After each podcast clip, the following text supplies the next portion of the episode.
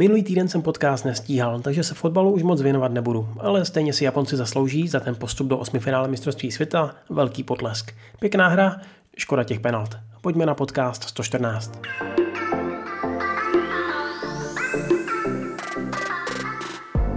Vláda si posvítí na případy týrání dětí v jeslích po celé zemi a to, jak je řešili obce. Navazuje tím na nedávné začení tří učitelek z prefektury Shizuoka, které údajně týrali batolata. Starosta obce v tomto případu navíc obvinil i ředitele školky z toho, že podobné jednání kryl a donutil ostatní zaměstnance, aby týrání tajili.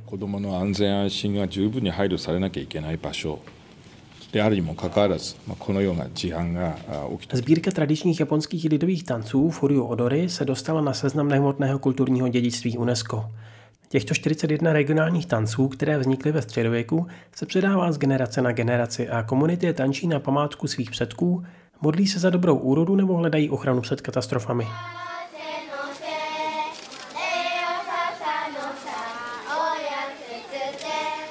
Za období leden až září se v Japonsku narodilo necelých 600 tisíc dětí, což je téměř o 5% méně než loni. Snahy vlády pozbudit lidi, aby měli více dětí, mají zatím jen omezený dopad, a to navzdory vyplácení dotací. Mnoho mladších Japonců od zakládání rodin odrazují špatné vyhlídky na zaměstnání, náročné dojíždění i firmní kultura neslučitelná s tím, aby oba rodiče pracovali. Pokud to takto půjde dál, do roku 2060 se očekává pokles japonské populace ze 125 na pouhých 86 milionů.